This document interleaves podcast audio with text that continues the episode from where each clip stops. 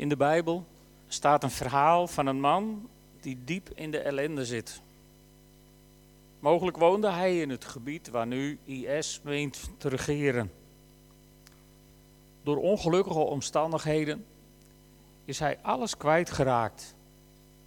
En als zout in zijn wonden komen zogenaamde vrienden hem vertellen dat hij wel een verschrikkelijke zondaar moet zijn, dat God hem zo straft.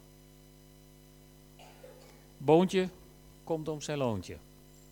En daar moet Job het maar mee doen. Dat is de man die ik bedoel, Job. In het midden van dit verhaal, waar hij zo wordt aangeklaagd door zijn vrienden, spreekt Job deze geweldige woorden in Job 19, vers 25. Daar zegt hij: Ik weet, mijn redder leeft. En hij zal tenslotte hier op aarde ingrijpen. Deze profetische woorden beginnen hun voltooiing te vinden als een kleine 2000 jaar geleden in een stal een kindje wordt geboren. Ook daar zijn de omstandigheden verre van romantisch. In haar hoogzwangere staat had Maria met haar man Jozef een reis moeten maken van Nazareth naar Bethlehem. Volgens Google Maps zo'n 170 kilometer. Lopend en af en toe hobbelend op een ezeltje. En ik ben nog nooit zwanger geweest, maar het lijkt me allebei niks. En dat alleen maar omdat een dictator van toen zo nodig moest tellen over hoeveel mensen die de baas was. Omdat het opvangcentrum van de stad vol was, moesten ze naar een crisisopvang. Niet in een sporthal, op een veldbed, maar in een stal met wat stro. En daar, al hoe romantisch wij dat ook vinden, met onze kerststalletjes, maar er was natuurlijk geen pest aan. Het was gewoon een en al ellende. Niemand moest je, nergens was plaats voor je. En daar kreeg Maria haar eerste kindje. En ach, wat maakte het uit? Ze waren niet van hier, dus wat kon het schelen? Niemand maalde erom, het waren maar vreemdelingen. En uh, in die sfeer wordt de zoon van God geboren op deze wereld. In het veld bivakeren herders met hun kuddes. Het was dus in geen geval in de winter. In ieder geval niet in december. Want dan waren de kuddes binnen s'nachts en niet buiten. Dus het was in een tijd waarin de schapen buiten konden blijven of ook de herders buiten konden blijven, dat was geen punt van discussie. Dat stond ook niet in hun CO. Want dat waren maar herders. Dan hadden ze maar een vak moeten leren. En uh, ach, dat waren ook zwervende mensen die met hun kuddes overal, die waren ook niet van hier. Dus wat kon het schelen? Maar zij hoorden als eerste het bericht van de engelen. En uh, het boek noemt dat het mooiste nieuws dat u ooit gehoord hebt. En wat is dan dat mooiste nieuws wat ze ooit gehoord hebben? De Bijbel in gewone taal zegt: Vandaag is jullie redder geboren. De Frieske Bijbel zegt: Joet is mijn verlosser binnen. En er is nog zo'n mooie vertaling, de Groot Nieuwsbijbel, die zegt: Vandaag is in de stad van David uw redder geboren. Uw redder geboren. Drie vertalingen met een heel persoonlijk voornaamwoord ervoor.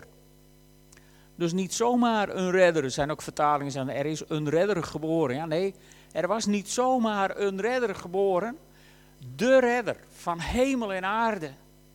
De zoon van God was geboren in die omstandigheden in Bethlehem. En de engelen die komen aan de herders vertellen: Vandaag is jullie redder geboren. Niet zomaar even één, maar het gaat over jou. Jouw redder is geboren. Heel persoonlijk, heel raak en heel individueel.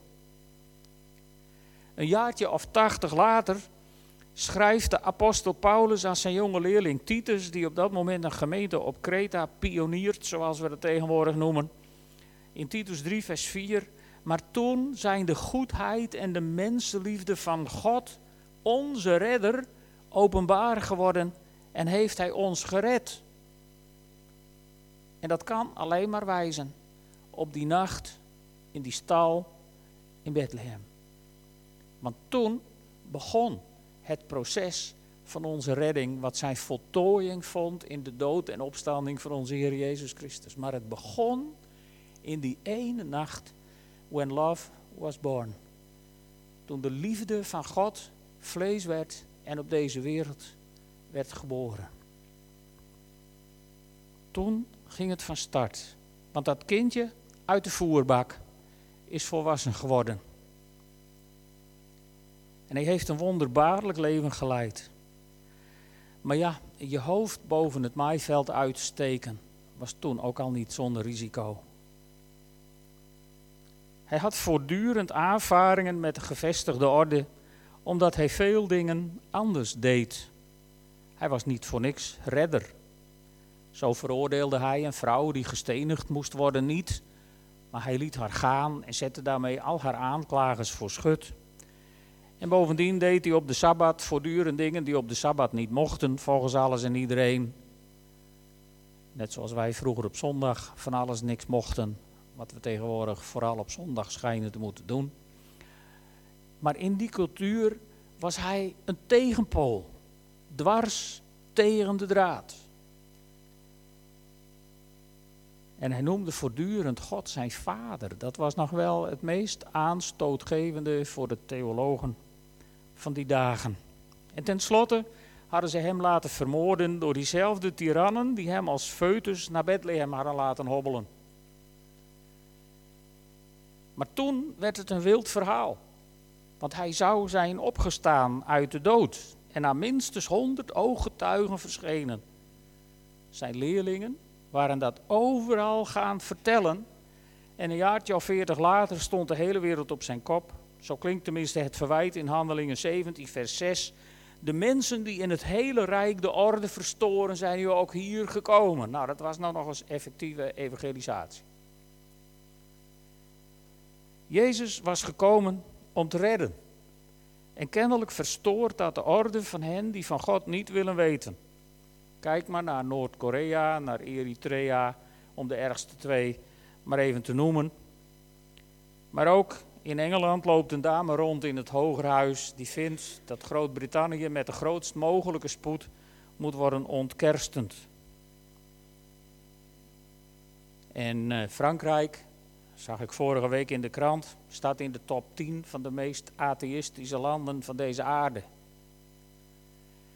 En ook in Nederland zijn politieke partijen die vinden dat christelijk onderwijs bijvoorbeeld en andere christelijke voorzieningen eigenlijk zo snel mogelijk uit de maatschappij moeten worden verwijderd. Gisteren las ik in de krant, of in, niet in de krant, ik geloof in de visie, of in een ander blad, een stukje van iemand die vond dat aan de rechten van de mens het verbod tot uh, spirituele indoctrinatie moest worden opgenomen. Om te voorkomen dat kinderen überhaupt met geloof in aanraking komen. En weet je, nu de islam ons bedreigt, zijn wij in de gevarenzone te komen dat we zeggen, ja, dat zou moeten. Maar op de dag dat het de islam wordt verboden, gaan onze christelijke scholen dicht. En dat hebben we vaak niet in de gaten. De wegen van Satan zijn buitengewoon subtiel. En dat alleen maar omdat de goedheid en de mensenliefde van God onze redder openbaar zijn geworden en Hij ons heeft gered. Hoe kan dat zoveel weerstand oproepen in deze wereld? Ik geloof dat het zoveel weerstand oproept in deze wereld omdat het zo persoonlijk is. Een onpersoonlijk verhaal wat je makkelijk kunt lezen en naast je neer kunt leggen, dat brengt niemand in rep en roer. Want ach, dat kun je lezen en dat kun je een leuk verhaal vinden en je kunt het geen leuk verhaal vinden. Maar in dit verhaal word je persoonlijk aangesproken, want die engel zei: Heden is in Bethlehem jouw redder geboren. En dat is geen verhaal over algemeenheden of een zoetsappig kerstverhaaltje. Dat gaat dus over jou en mij. Het is het meest persoonlijke verhaal van de wereld. Het is het mooiste nieuws dat u ooit gehoord hebt. Jouw redder is geboren en hij heeft jou gered.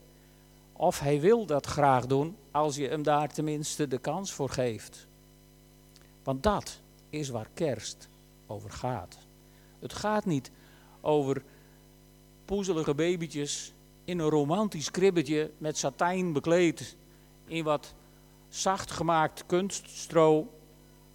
Het gaat over de harde werkelijkheid van iemand voor wie geen plek was in de herberg, maar die desondanks naar deze wereld kwam, omdat hij zo zielsveel van ons hield, dat hij het niet uithield in de hemel, maar hier onder ons wilde zijn, met alle geweld. Tegen elke prijs ongeacht de omstandigheden. In Bethlehem is 2000 jaar geleden uw redder geboren. Hij wil uw redder zijn. En als hij hier vanavond zit en zegt, nou, volgens mij voel ik dat niet zo persoonlijk, want het is mijn redder nog niet. Dan, uh, dan willen we daar straks heel graag even met u over napraten. Want hij is ook uw redder. Het werd die herders ook niet gevraagd of ze wel of niet gered willen worden. Ze kregen de mededeling van de engel: Jullie redder is geboren. En de vraag is: laat je je redder aan de kant staan of grijp je de toegestoken hand om gered te worden? Het is een heel persoonlijk verhaal. En de vraag is: hebt u het door? Hoe belangrijk, hoe persoonlijk, hoe op jou gericht dit verhaal is? Maria had het al door toen ze Jezus nog in haar buik droeg.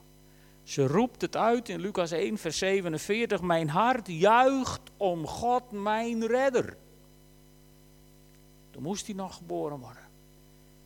En toen vierde Maria het al.